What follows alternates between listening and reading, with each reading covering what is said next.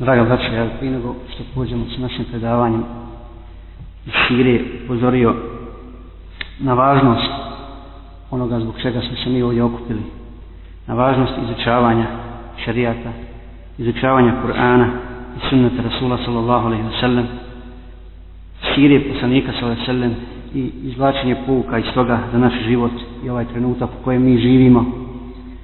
I za početak u uvodu spomenuo bi predaju od Bera ibn Aziva radi Allahu ta'ala koji je jednom prilikom kupovao konja ili devod Abu Bekra radi Allahu ta'ala i na kraju kad se dogovorili o cijeni rekao mi Abu Bekra hajde kreni sa mnom uzješi da zajedno idemo Ka, rekao mu je ovaj plemeniti ashab neću vallahi dok mi ne ispričaš slučaj i događaj uh, prilikom hijdre ono što se desilo s tobom, s poslanikom, sallallahu alaihi wa sallam. Dakle, želja ashaba za sunnetom i proučavanjem sunneta Rasula, sallallahu alaihi wa sallam, je bila u istinu velika. I zato mi treba da štenimo pažnju vama na pozornost, na slušanje, e, jer znamo da smo prevalili veliki i dalek put da bi došli ovdje u Mađarsku, da bi e, u ima Allaha Đalešanuhu proučavali islam da bi se time okoristili i pošli sa velikim dodatnim znanjem u naše zemlje odnosno u dijasporu gdje živite kako bi činili davu na Allahom putu. Što se tiče Sirije, ja ću spomenuti neke pouke, odnosno uzet ćemo nekoliko dersova, a spomenut ću, spomenut ću na početku i dijela i knjige s kojih sam uzeo ove pouke, nećemo spominjati događaje osim ako nam budu, budu potrebni da bi iz njih izvukli, izvukli pouke.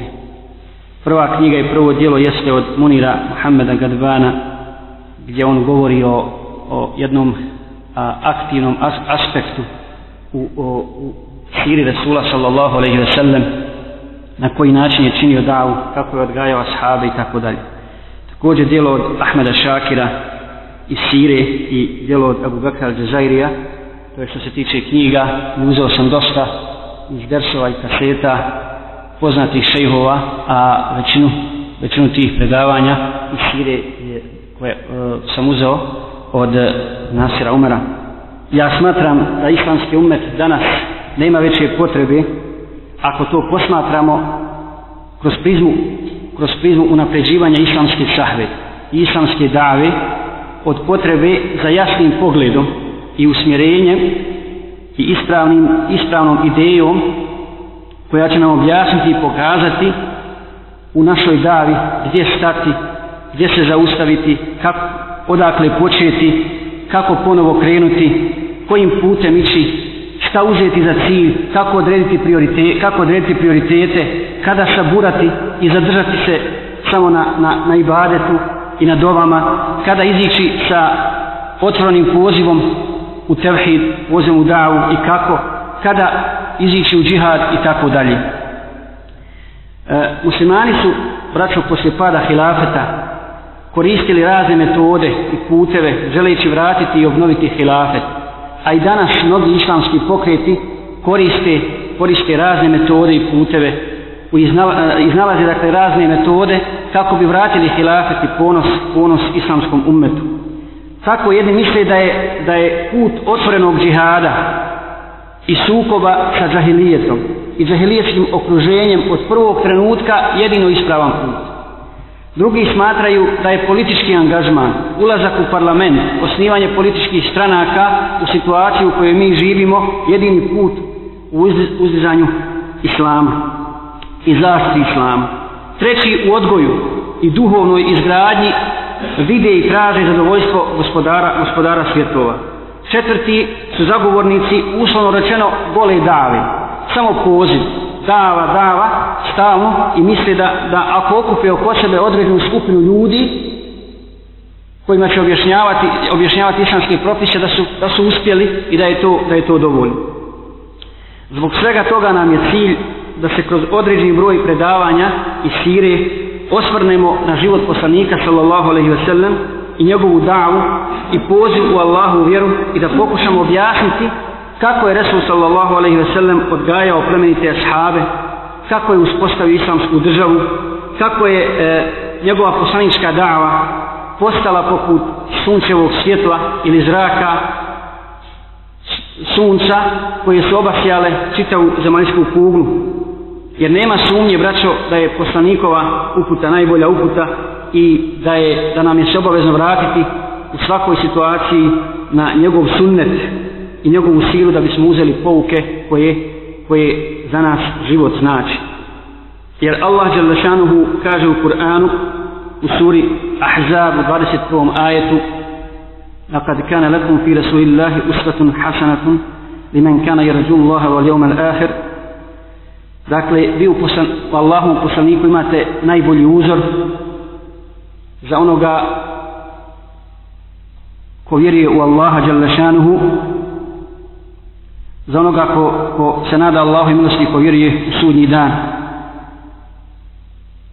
spomenut ćemo sada neke koristi od proučavanja sirije Ono što vi ne možete zapisati, to treba upozoriti, braćo, dakle, iša Allah, vi ćete dobiti i kasete, a isto tako i skripte sa ovih predavanja, pa bi možda bilo dobro da, da pozornost bude na slušanju, na slušanju predavanja veće, veća nego, nego na, na zapisivanju, kad je u pitanju sira. Dakle, ja se onaj, ograničam, kad je u pitanju sira na, čemu na slušanju. Prva stvar jeste, i prva korist koju želim spomenuti od proučavanja sire, je jeste da to predstavlja i znači neophodnu pokudbinu dajijama i muđahidima u jačanju njihove težnje i odlučnosti u ulaganju maksimum truda i davanju sve od sebe radi ponosa ove vjere i uzizanja zastavi tevhida. Zatim spoznaja vrijednosti blagodati uputi koji je Allah Đelešanuhu podario, podario mu'mina, mu'minima, mu'minima i osjećaj ponosa što se pripada, što se pripada ummetu poslanika sallallahu alejhi ve sellem i što smo što smo njegovi sledbenici. I zbog toga što se što, što, što se žrtvujemo na tom, na tom putu islama, na putu dave i džihada. Druga stvar jeste i druga korist da je sira Allahu poslanika sama po sebi braćo muđiza Allahu poslanika sallallahu alaihi wa sallam. Jedan od mnogobrojnih znakova njegovog, njegovog poslanstva. Tako kaže Imam Ibn Hazm, rahmetullahi alaihi, proučavanje sire Muhammeda sallallahu alaihi ve sellem od strane onoga ko to čini sa razmišljanjem nemido, neminovno za sobom povlači vjerovanje i svjedočenje da je on Allahov poslanik. Dakle, onaj ko istinski proučava siru poslanika sallallahu alaihi sallam, ta, to proučavanje siri će ga nevno dovesti do, do zapiska da, da je Muhammed sallallahu alaihi sallam Allahov poslanik. Da je on posljednji Allahov poslanik. I kaže i da ne postoji ni jedna druga muđiza osim siri, to je dosta. To je dosta kao muđiza za poslanika i dokaz njegovog poslanstva. Treća korist koju želim spomenuti jeste upoznavanje puta koji vodi ponosu Islama i muslimana. Znamo kako je Resul sallallahu alejhi ve sellem spomenuo ćemo neke događaje, kako je počeo dava. Kroz koje faze je prošla dava i na koji način je Allah dželešanu potpunio svoju vjeru. I kako su muslimani došli do ponosa, kako su došli do islamske države i kako su došli do vođstva koje je Allah dželešanu obećao mu'minima. I koje je po prirodi stvari pripada, pripada, pripada njima. Dalje, korist od upoznavanja sa ličnostima ashaba, i sa vrijednostima koje su oni posjedovali, koje su, koje su, koje su ih dovele na, na, na, na prvo mjesto, koje su ih dovele do toga da budu vođe čovječanstvu. Dakle, šta su oni imali od tih vrijednosti? Koje su njih osobine krasile? Nisu došli tek tako, ta, nije Abu Bekr izabran tek tako za, za halifu Muhammeda, za prvog halifu poslanika sallallahu alaihi sallam. Ni Omer, ni, Abu, ni Osman, ni Alija i tako dalje. Dakle, šta je to njih krašilo, a što da, nama danas fali i što treba da imamo ako želimo da ostvarimo, da ostvarimo, da ostvarimo naš cilj. Dalje, sljedeća korist od proučavanja sire jeste to što sira, proučavanje sire predstavlja užitak za dušu i hranu za srce mu'minsko i to je ono što povećava, povećava iman mu'minu i kad mu bude najteže, čitaju siru, gledajući na iskušenja koja je prošlo, kroz, kroz koja je prošao poslanik sa veselem, kroz koja su prošli njegovi ashabi, ta prva neponovljiva generacija, poveća mu se jekin, ubjeđenje i poveća mu se, poveća mu se iman. E, sljedeća od koristi proučavanja sire jeste upoznavanje uzroka pobjede, pobjede i poraza. I zadnjim korist koji bih spomenuo prije nego što pređemo na naše predavanje jeste upoznavanje sa najboljim, i najidealnijim programom, programom za život, a to je poslanički program Muhammeda sallallahu alaihi wa sallam. Prva stvar, braćo, koju želimo spomenuti, jeste sam početak davi, sam početak poziva u islamu strane poslanika sallallahu alaihi wa sallam. U sirama se spominje prvi period da je bila tajna dava. Tajna dava i sad učenjaci razilaze o tom periodu. Mi ćemo uzeti da je ta dava trajala, tajna dava trajala tri godine tri godine i ićemo odma na jedno vrlo važno pravilo koje se izvlači iz toga kako je Resul sallallahu sallam činio davu. A to je da je sam početak bio u znaku odabiranja, u znaku odabiranja i selekcije ljudi. Koga je Resul sallallahu alaihi sallam prvo pozvao islam? Prvo Ebu Bekra. Odnosno, ko je bio prvi musliman? I prvi, da tako kažem, taj kamen temelja su davi. Bila je Hatidja radijallahu ta'ala. A znamo iz kakve porodice, iz kakvog plemena potiše Hatidža radi. Zatim Abu Bakr, fa Alija, fa Zaid ibn Haris i tako dalje. Dakle, poslanik sallallahu alaihi wa sallam u svojoj davi pravi selekciju, kako, kako su zaključili ljudi koji su pisali sire, pravi selekciju i, na, i kasnije tim putem, tim putem odabira ljudi koji će kasnije biti glavni stubovi i nosio se te dave, išao je i ko? Išao je također i Abu Bakr radijallahu ta'ala anhu. Ebu Bekr, koji je među prvima primio islam, on je krenuo, on je bio omiljen u svom narodu. Bio je lijepog ahlaka, bio je bogat, bio je, kako kažu, jedan od najčistijih korejšija, bio je jako učen čovjek, tr bogati trgovac i tako dalje. I preko njega, hajde, ja bih volio kad bi neko od vas spomenuo, osim ovih modernisa, od ovih koji slušaju seminar, i kojima je obavezan ovaj seminar i slušanje predavanja, da mi neko nabroji e, uh, ljude i ashabe koji su sebebom Ebu Bakra prihvatili, prihvatili islam. Abu Rahman ibn. Najugledniji ljudi, najugledniji ljudi su također preko, preko Ebu Bekra prihvatili, prihvatili islam. Zubeir, Zubeir, Talha, Talha ibn Ubejdullah, dakle stubovi u svojim, u svojim porodicima, odnosno, odnosno u svojim plemenima. I danas, Dakle, ovo uzeli smo pouke radi nas. I danas također. Daja, dakle vidimo kakve treba kvalitete da posjede jedan daja, onaj koji poziva u Allahu u vjeru, na počne samom startu, na samom početku. Koje su to osobine, dakle, koje su krasa Ebu Bekra? Kao daju i kao, kao prvog muslimana ili jednog od prvih muslimana. Prvo je ahlak. Ahlak je ono što plini, što plini pažnju ljudi. Ljudi vole lijepo ponašanje ljudi vole poniznost, ljudi vole skromnost, ljudi vole iskrenost. Dakle, sve one osobe, makar on ne bio takav, makar ne bio takav, i kad pozivaš u islam prije svega svojim lijepim ahlakom, prije nego što išta progovoriš, ti ćeš svojim ahlakom zainteresovat sigurno ljudi. Druga stvar jeste kultura, odnosno naobrazba. Ja pod, kad govorim o ovome, ja pod ovim prije svega podrazumijevam na dobro poznavanje društvenih prilika u kojima čovjek živi. Dobro poznanje društvenih prilika i kretanja, a to ne može poznavati nepišni čovjek. Dakle, to može poznavati iskusan dajat koji prati situaciju, koji prati situaciju i koji je ljubomoran prema Allahu i vjeri, koji traži puta i takav iskusan dajat, takav iskusan dajat će naći puta do srca, do srca ljudskih. Kako kaže Allah dželle šanu efela i tadabbaru al Kur'an am ala kulubin atfalu. Zašto zar ne razmišljate o Kur'anu ili su vam na srcima katanci? Dakle, na srcima su katanci, treba naći ključ, treba naći puta do tih srca. A to će, inša Allah, jedan istinski mu'min i dobro obrazovan daija, koji je upoznan sa situacijom, sa društvenim kretanjima u, u, u sredini u kojoj on živi, uspjeti, uspjeti uz Allahom pomoć pronaći. Treća stvar jeste društveni položaj, koji je vrlo bitan, koji je vrlo bitan kao oskočena daska, daska u davi.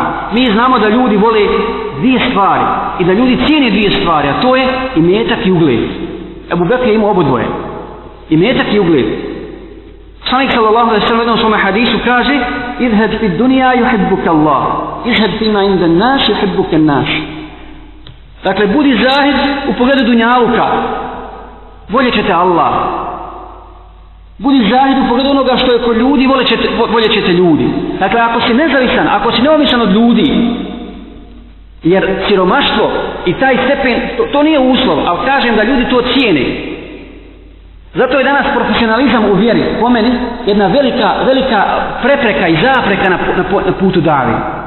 Ako radiš kao hođa, ako radiš kao ima, ti si, ti si obavezno vezan za određen žemat, za određen klub ljudi koji te plaćaju. Oni te plaćaju, dakle, ti nisi nezavisan na, na, na tom polju. A u ovakvoj, u ovakvoj, u ovakvoj, u ovakvoj odnosima kakvi danas kod nas vladaju, oni smatraju da oni te pa, dakle, ti si već, po, već sam pos, posebi ponižen, ponižen s te strane, s te strane i ne možeš da djeluješ neovisno. A također i društveni ugled igra vrlo važnu. Dakle, to je kad je u pitanju sami početak davi, e, spomenuli smo ove osobine koje treba, treba da posljedan daji. Drugo što se izvlači na samom početku iz ovog tajnog pozivanja jeste braćo uloga žene.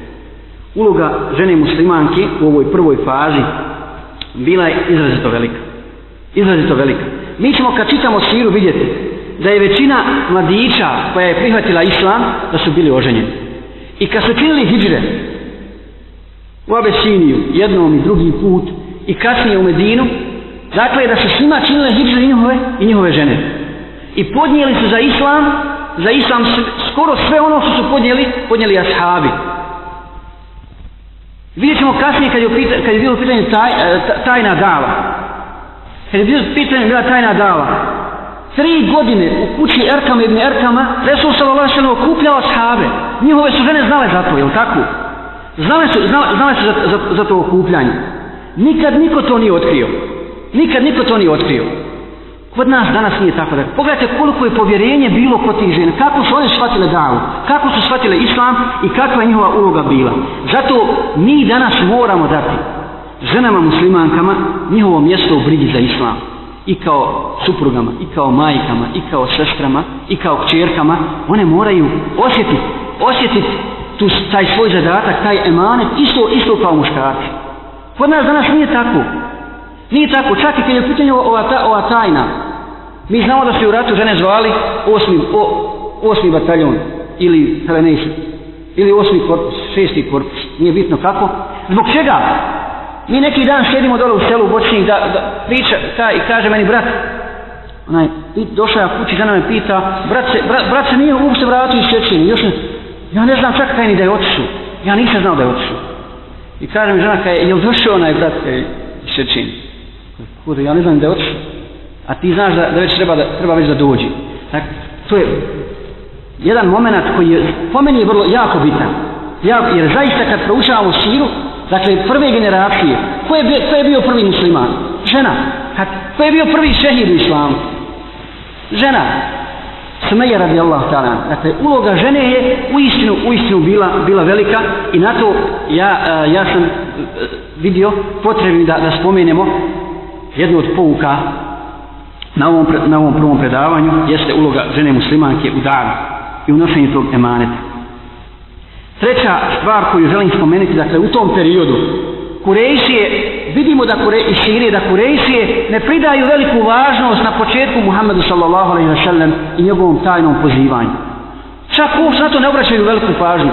I više su im, čak su im više smetali oni, oni ljudi koji su ostali na, na, čistoj, na čistoj jednoj fitri, koji nisu obožavali kipove nego poslanik sallallahu alejhi ve Tako Ahmed bilježi, bilježi onaj jednu, jednu predaju od Abdullah, od, eh, od Ibn Abbasa, da je došao jedan trgovac kod poslanika sallallahu alaihi wa sallam, odnosno kod Abbasa, kod njegovu amiđi, i zatekao, zatekao je Muhammeda sallallahu alaihi wa sallam hatiđu i aliju gdje klanjaju.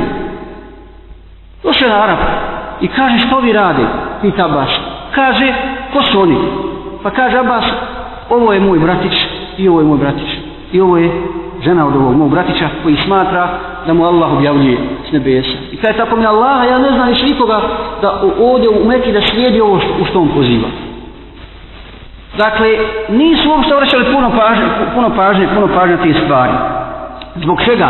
Zato što je početak bio u priznavanju Allaha za gospodara. Dakle, zatvara, zadržavanje, zadržavanje na, to, na tom principu. Usađivanje akide u srca, u srca ljudi. Još akida nije našla svoje mjesto u društvu. Još nije ušla, ušla u sve pore društva. Zato ćemo vidjeti. Zato ćemo vidjeti često puta kako, dakle, ovo učenjaci koji proučavaju siru odmah povezuju sa našom stvarnošću i kažu, vidjet ćete danas, često puta kod mnogih muslimanskih pokreta, kako ih taguti trpe, kada? Kad sledemo islam samo na mesjid, na klanjanje u mesjidu, ono po onoj, na uzubila je po onoj nekakvoj paroli, caru caravu, Bogu Božije, nemoj, nemoj, nemoj islam miješati u politiku, u ekonomiju, uh, nemoj zalaziti u tu sferu, eto ti mesjid i obožavaj Allaha Đelešanu koliko god hoćeš i u Vašingtonu, i u Englesku, i u Francuskoj, u Evropi, bilo gdje, na bilo kom mjestu. Dakle, oni te tada tolerišu. Dokle?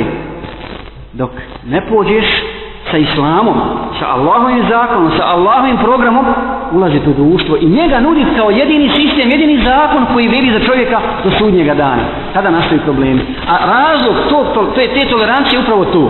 Upravo to što postoje takvi ljudi koje, ne, bitno je da mi obstojimo takvi kakvi jesmo, razbojit ćemo vjeru, vjeru države, vjeru od politike i gotovo. Tako ćete priznati, u islamu ne postoji tak, eh, takva stvar to sveštenstvo koje, koje je napravilo, na, napravilo nekakve kamene institucije, kamene institucije, zato i pokušava da ih zadrži po svaku cijenu, koje su mrtve, nefunkcionalne, svi će tolerisati. Došao Alija, došao Ilija. Bio Tito, bio ovaj komunistički sistem, bio fašistički, svi će tolerisati tolerisat takvu jednu instituciju. Neće ti ništa raditi. Sveštenstvo svi, svi tolerišu i priznaju. Samo nemojte petljati ovam u politiku. Nemoj, a oni će tebe iskoristiti kad im budeš, kad, kad im budeš trebao u svoje političke svrhe. Četvrta stvar koja se da nas utiti iz Sire jeste na početku samom, jeste e, usmjeravanje na izgradnju čvrste akide. Ubrizgavanje čvrste akide srca, srca ashaba. Mi znamo da je u to vrijeme kjatrička akida bila ispunila život, život ljudi i obaveza je bila očistiti akidu i izgraditi ispravnu i zdravu akidu. Zbog čega? Zbog toga što iz ispravne akti, ak, ak, akide, ispravnog vjerovanja, proizilaži ispravan ibadet. Ispravan a, ibadet i ispravan životni put, životni put jednog, jednog čovjeka. I ta ispravna akida u isto vrijeme podrazumijeva postojanost na istini. Postojanost na istini i žrtvovanje na tom putu i metka i života i svega ostalog ako zatrebate. Vidjet ćemo kasnije. Zbog čega se pojavljuje nifa? Zbog čega se pojavljuje munatici rodina muslimana? Samo zbog toga što nisu shvatili akidu. Nisi, nije akida bila jaka. Nisi imali jeki, nisi imali ubiđenje u svojim srcima i zbog toga su posetali i po, ostali su, postali su munatici i ostali, ostali do kraja takvi i u bitkama i, i, i u životu u prvoj državi islamskoj Medini i tako dalje. Peta stvar jeste i stvari druga faza koja se spominje u Siriji. Dakle, to je bilo tajno pozivanje, nekoliko pouka iz tog e, tajnog pozivanja u islamu. Jeste javno pozivanje nakon izgrađivanja akide. Nakon izgrađivanja tog prvog safa, koji je Resul sallallahu alaihi wa sallam izgradio u kući Erkama ibn Abi Erkama. Kako znamo da je taj šaf bio izgrađen? Vidjet ćemo kasnije dokaz da je taj temelj na kojem treba da počiva sutra islamska država da je bio jak i da je bio zdrav jeste što ta skupina kasnije posle smrti poslanika sallallahu alaihi ve sellem kada su se svi pomurtetili kada su se svi odmetni od islama oni su ostali čvrsti oni su ostali čvrsti i ovdje ja želim skrenuti pažnju na izgrađivanje jednog jakog jezgra unutar, unutar našeg džemata bez obzira gdje živjeli, živjeli u Bosni, živjeli u Evropi, živjeli u Saudiji ili, ili na nekom drugom mjestu zemaljske kugle, kao džemat, kao džemat moramo biti jaki i moramo izgledati na jako jezgro, jako jezgro oko kojeg, oko kojeg će se okretati sve i koje će podnijeti glavni teret. I vidjet ćemo da je taj prvi saf, da je to jezgro kasnije ponio najveći teret i da iz tog prvog safa su kasnije bili ko? od, od, a, uh, od onih desetorica obradovanih džennetom, osim Omera koji je kasnije primio islam, dakle nije bio od onih prvi, ali jest četrdesetik im islam, ipak uh, se smatra među onim, onima koji su prvi, među prvima prihvatili islam, dakle od njih su bili i halife, i nosioci, nosioci dave, nosioci islamske države, vođe, vođe ummeta i vođe celokupnog čovječa. Jer to je taj temelj to je taj temelj bez kojeg ne može uspjeti ni jedan džemat, jedan islamski, islamski pokret. Zato Resul sallallahu alaihi wa sallam kaže Halid ibn Velidu kad se on sporio sa Abdurrahman ibn Aufom i uvrijedio ga je kaže o Halide ili ne psujte, ne psujte moje, ne vriđajte moje sahabe ne vriđajte moje sahabe jer tako mi Allah kad bi neko od vas podijelio zlata koliko je brdo uhud koliko je brdo uhud ne bi dostigao njihovu vrijednost ne bi to, ne bi to dosilo vrijednost koliko je ni pregrš od onoga koliko oni vrijedi. Dakle, i Halid je bio ashab. Halid je bio ashab. Međutim, kad je u pitanju vrednovanje ljudi, onda oni koji su prvi ponijeli teret Davi, koji su prvi ponijeli poslanik poslava Selem i žrtvovali se, žrtvovali se, oni su, oni su na vagi, na vagi jači i teži, teži od ovih. E, zato je bitno izgrađivanje, izgrađivanje tog jezgra. Javna dava počinje sa kuranskim ajetom i suri Hijj 94. ajet u kojima Allah Đelešanu naređuje poslaniku sallam i sallam i kaže Audhu billahi mine šeitan rajim Fasda' bima tu marva a'rib anil, dja, anil mušrikin Ti izloži ono što ti je naređeno i okani se mušrika i ukloni se, ukloni se mušrika ili ajet suri Šuara 264. وأنذر عشيرتك الأقربين pa pozivaj, pozivaj svoju, Allah što naređuje poslanicu sa sanat, pozivaj svoju bližu, bližu rodbinu. Ili također, e, uh, u Fesri spomnio da je jedan od prvih ajeta, e, od, stvari, od, od ajeta koji naređuju javno, gdje Allah što naređuje poslanicu da javno iziđe, jeste, va kul inni ene nerzirum mubin. Reci jasno, zaista jasni opominja, jasni opominjač vama. Znamo kako Resul sallallahu alejhi ve sellem okuplja okuplja Kurešina safu da ne bi spomnjali kompletan taj događaj i kako su ga odbili na koji način je Ebu Leheb njegov Amidža reagovao kada je, kada je on pozvao njih u tevhid i pored toga što su ga prije toga smatrali povjedljivim i iskrenim i što je se čak kako stoji u sirama Ebu Leheb najviše obradovao njegovom rađanju rađanju poslanika sallahu sallam i govorio im je kada bi vam ja sad rekao da iza brda dolazi vojska koja želi da vas napadne da vas da vam, e, da porobi vaše, vaše žene i vašu djecu. Bili ste vjerovali, e, bi ti si, e, amin, ti si povjerljivi, mi tebi vjerujemo, ti si iskren. Okay? Ja vam dolazim sa tevhidom, ja sam vam Allah, posljednji Allah, poslanik, onda kažu lažiš. I tako dalje. Dakle, opet, međutim, kada Ebu Leheb u tom trenutku govori da će ga napadat, da, da, da mu neće to dozvoliti, ko staje u njegovu zaštitu? Ko staje u njegovu odbranu? Sad je drugi Amidža, koji nikad nije prihvatio islam. Ali je vrlo, vrlo važno ovdje spomenuti to da je prirodno da u fazi, da u prvoj fazi dave, dava bude upućena sličnoj rodbini.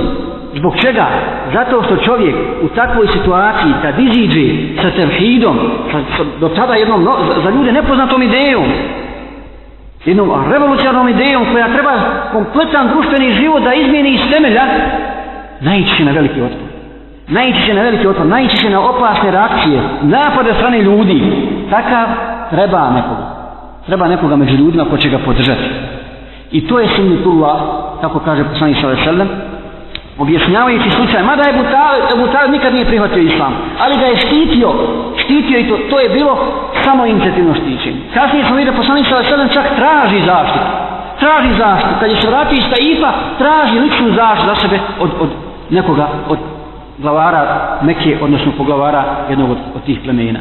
Dakle, Ebu Talib ga štiti i kaže, Rasul Sasa objašnjava e, zbog čega je do, do, to, do toga došlo. Kako je Allah Želešanuhu dao da se poslije, e, po, da se pojavi poslanik, kad god se pojavi poslanik, jedan od poslanika, da, da se pojavi u mnogobrojnom narodu, u mnogobrojnom plemenu iz kojeg se uvijek nađe neko ko će ga štititi, barem preko te krvne veze. Ne, ne mora prihvatiti davu, ne mora prihvatiti istinu, ali će ga štititi preko te krvne veze. Kaže Rasul sallallahu alaihi wasallam, neka se Allah smiluje Lutu alaihi salam.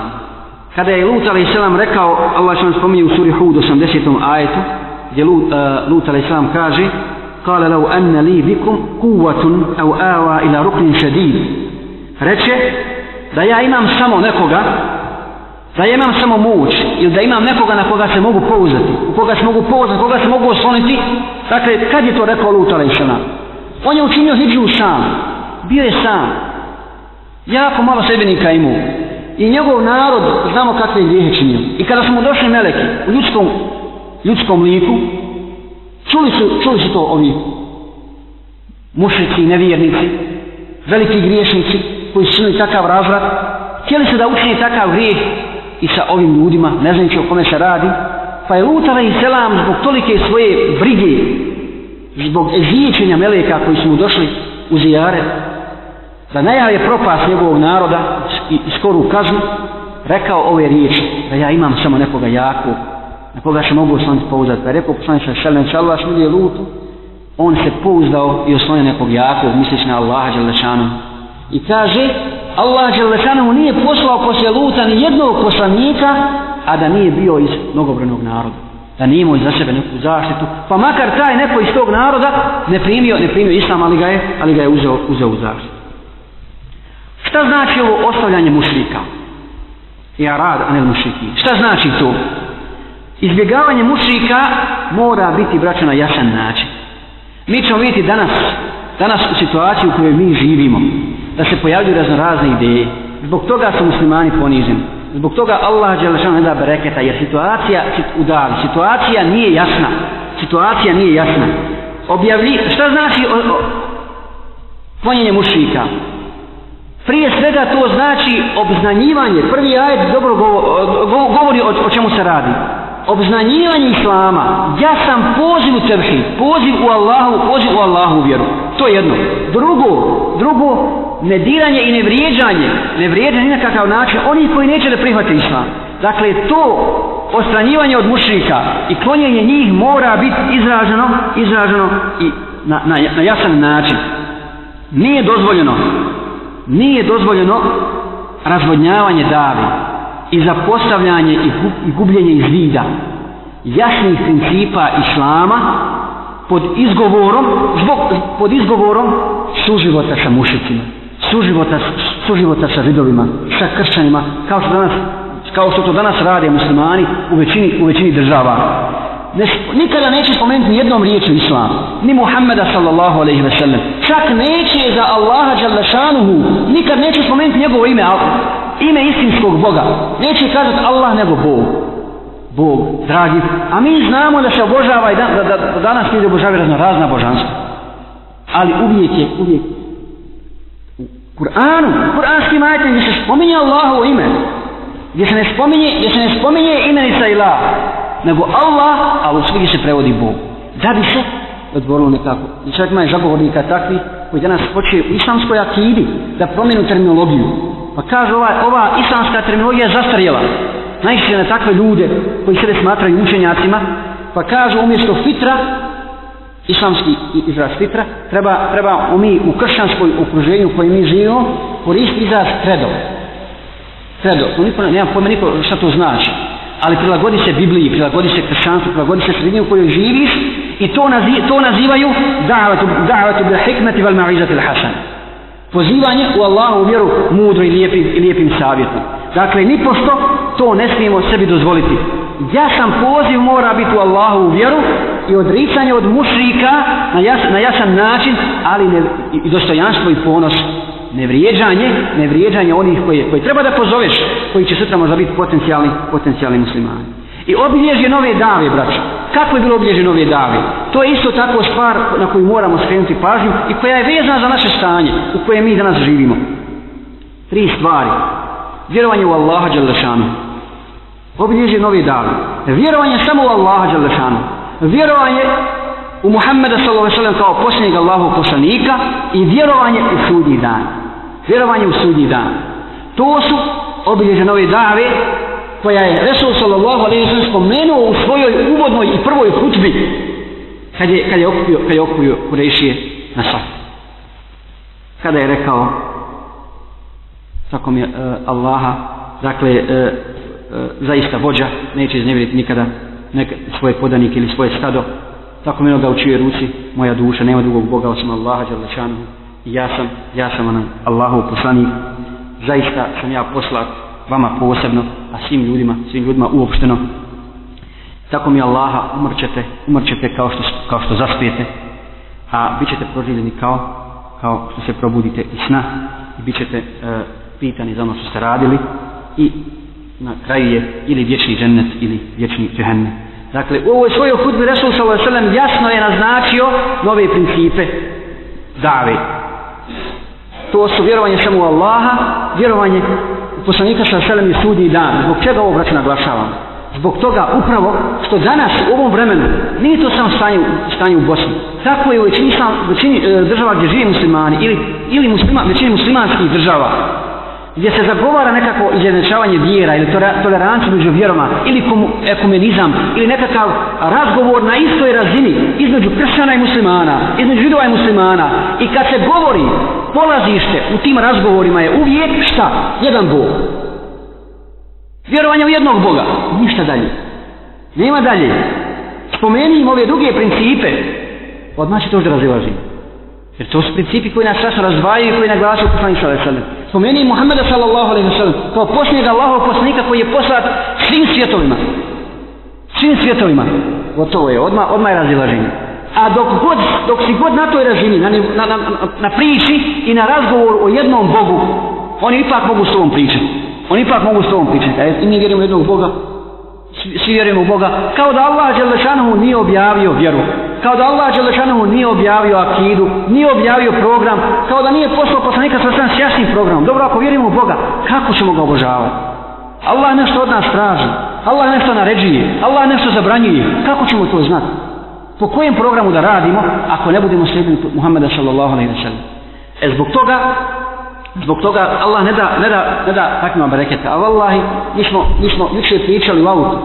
Kada bi se samo jedan, javna, jedna javna tribina održala na televiziji, gdje bi učestvovali, nek, učestvo, nek oni pozovu svoje najveće učenje, najveće učenja. Da iziđe samo jedan istinski mu'min koji poznaje islam, ne bi imali, ne bi imali nikakvog odgovora. Sigurno bi pali. Ali oni to ne dozvoljavaju jer znaju. Jer znaju za to. Meni je ostalo, ja ću spomenuti onaj Hafs Efendija, Hafs Mohamed nije, nije, nije jutro spomenuo to. Ostalo mi smiješno uh, iz onog razgovora, a spomenuo je razgovor sa kršćanima. Sa kršćanima na tu, na tu temu. I kaže, bilo je, između ostalog, bilo je pitanje pretjerivanja u vjeri. Guluf din, šta to znači pretjerivanje, šta to znači pretjerivanje u vjeri? Uh, I onaj srpski štešnik, znate šta je rekao? Kad su ovi gledalci koji su postali to pitanje, uh, Hafiz Muhammed Gala nagrada mi lijepo objasnio, to vi su ostali bez teksta. Međutim, ovaj Srbin kad mi postane to pitanje, rekao je, ka je, kako god da to definišemo, šta je da je to ne valja? ne, nema pojma šta će, on ne zna šta će reći. On nema pojma, dakle, od temeljnih, a došao, došao tu da raspravlja, šta je da je ne valja? Ali ne daj tu, ne daj tu. Ali zato mi moramo imati jasnu predstavu, jasnu predstavu o tim, o tim stvarima i, zna, i znati gdje, i znamo šta treba da ponudimo. Gdje su jasne razlike? Gdje se, ka, kako napraviti jasnu razliku između istinske akide i laži koje on nudi? I koji zamotavaju u neke filozofije i ljudi u blandi da bi je ponudili ljudima i srivali kao istinu. I izjednačili je sa istinu. Ono što ja još želim spomenuti u večerašnjem versu jeste, braćo, vezano za naše organiziranje, za naše džemate, a možemo izvući pouke iz, iz Siri, Sulasa Veselnem, jeste upravo ova kuća Ertama i Gunnar Tri godine Resul sallallahu alaihi sallam okuplja tu ljude. Tri godine, subhanallah, da niko nije saznao od mušika gdje se okupljaju muslimani, koja je to kuća i kakva opasnost prijeti, prijeti odatle, odatle mušicima. Nikad. Čak i Omer, kada ga je, kada ga je Nuaym ibn Abdullah upitao jedan put, kuto ti odlazi, gdje ti ideš? Rekao je, edham ila Muhammedin fi dari inda safa. Idem da se vidim s Muhammedom u kući na safu. Nije odredio tačno koja, koja je kuća. A zbog čega oni nisu odpili? Zbog čega? E, ovi učenjaci islamski u Siriji spomenju nekoliko vrlo interesantnih detalja koje ja želim spomenuti. Kaže, Kurešije su bile zavarani kad je u pitanju okupljanje novih muslimana, novih pristalica s nekoliko, s nekoliko strana. Prvo, Erkam ibn Abi Erkam bio je, nije bio poznat po svom islamu. Nisu muslici još znali da je on primio islam. Kurešije nije znali da je, da je on primio islam. I onda kako bi moglo nam plašiti da se muslimani, da on islam okuplja nove pristalice, da im objašnjava islam u kući čovjeka koji nije primio islam. Druga stvar, on je bio iz plemena Benu Mahzum. A sam sa selem je od Hašimovića. A oni su bili u stalom natjecanju. U, ko, će, ko će biti uh, u, stalom, u, u stalom borbi za prestiž u društvu. Tako da nisu imali pojma, da nisu mogli nikako zamisliti da jedan čovjek iz, iz plemena Benu Mahzum može dozvoliti da se u njegovoj kući u takvom okruže, u, okruže, u okruženju i svih njihovih vođa i tih ljudi održavaju takvi sastanci. I treća stvar, vrlo interesantna.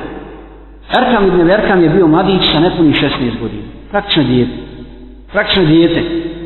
I nikad je nije moglo nam pas da se, da se takvi sastanci održavaju u kući jednog djeteta, jednog, jednog, jednog dječaka koji je, koji, je primio, koji je primio islam. Dakle, to je, zato je ovaj izbor izbor ove kuće i ovog čovjeka, ovog mladića, radi Allah ta'ala, od strane poslanika sa lečelem, vrhunac mudrosti Rasula sa lečelem, i na ovo treba obratiti pažnju, ovo trebamo uzeti, uzeti kao pouku. Uzeti kao pouku. Dalje, na početku, dava, šta je izvor snage? Znamo na kakva su iskušenja nalazili ashabi, prvi muslimani. Mijenja se kompletan njihov život. Kompletan njihov život do jučer živjeli u miru, živjeli u bogatstvu, živjeli u izobilju, živjeli su tami normalno, duhovno, ali sad prihvataju islam, imaju uputu. Međutim, iskušenja su velika. Iskušenja su velika. Šta je država? Šta je država?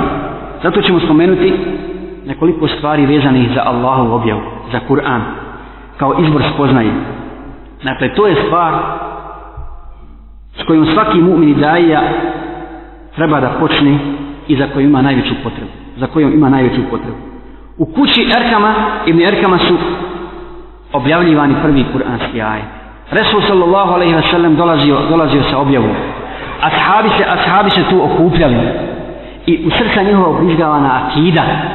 Akida, ne filozofija, ne perzijski stihovi njihove, njihove neke gluposti. Nego su ashabi, dakle, ta prva generacija odgajana samo na vahiju. Na Allahu, na Allahu i objavi na sunetu Resula sallallahu alaihi wa sallam.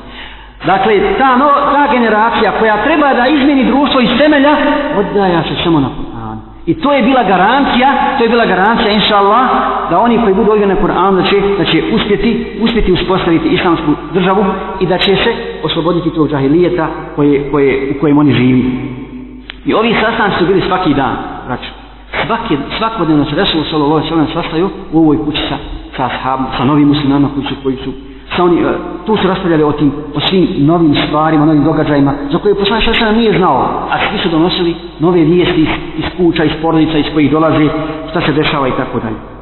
Zato i danas svakom daju u njegovom radu, u njegovom radu za Allahu vjeru i svakom pokretu koji teži izgradi islamske države, obaveza da se vrati istinskom proučavanju Kur'ana i sunneta Rasula sallallahu alaihi wa sallam. Zbog čega su, zbog čega su bili važni sastanci? Dakle, rekli smo, Resul svoje sebe okuplja ashabe svaki dan tu. Tu se braću čvrštiju, čvrštiju radovi. Wallahi, zbog čega ja kažem svaki dan se održavaju sastanci. Dakle, nisu im nikad odjeli ti sastanci. Ne samo to, nego su žudjeli, nego su žudjeli da dođu, teško su čekali da svane novi dan, da se okupi iz poslanika sallahu sallam. Da se okupi, šta mislite, kakav je kapital za jednog ashaba bio, samo jedan kur, novi kuranski ajt koji, koji mi siđi, pa, pa i poslanika sallahu sallam saopšti sa, sa, sa, sa, sa, sa, sa, sa, sa, I kad on s takvim bogatstvom izlazi, odlazi svoju kuću. Odlazi svoju kuću da Pa sutra očekuje novo saznanje. Sutra očekuje novi ajete. Želi, želi da ih sazna od poslanika sallallahu alaihi sallam.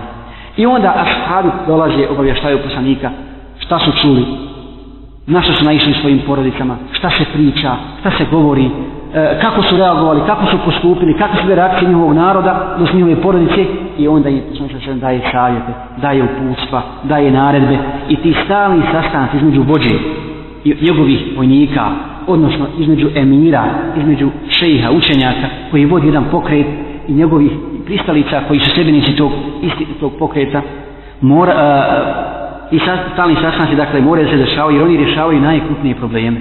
Najkrupnije probleme sprečavaju unošenje fitne, unošenje nereda, nereda u taj saf muslimanski. Dalje, dalje, e, oni, oni su uništavali svaku mogućnost lošeg mišljenja, lošeg mišljenja o emiru, lošeg mišljenja o vodstvu, lošeg mišljenja o jedni, jedni o drugima. Jer ako se to desi, ako se to pojavi, ako šeće nubacu na sve se, to se rješava na licu mjesta.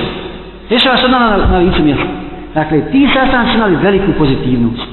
I zato ja skrećem na njih, na njih, na njih pažnju i pozornost. A nasuprot tome, nesastajanje sa ljudima, nesastajanje, šta prouzrokuje? Prouzrokuje prije svega udaljenost džemat, udaljenost pojedinaca jedni od drugih. Što se manje viđamo, srca, srca, srca se dalja. Či, mogućnost širenja fitne, unošenja, unošenja nereda preko ne, provjerenih informacija, tu slabi akajska veza, slabi akajska izgradnja,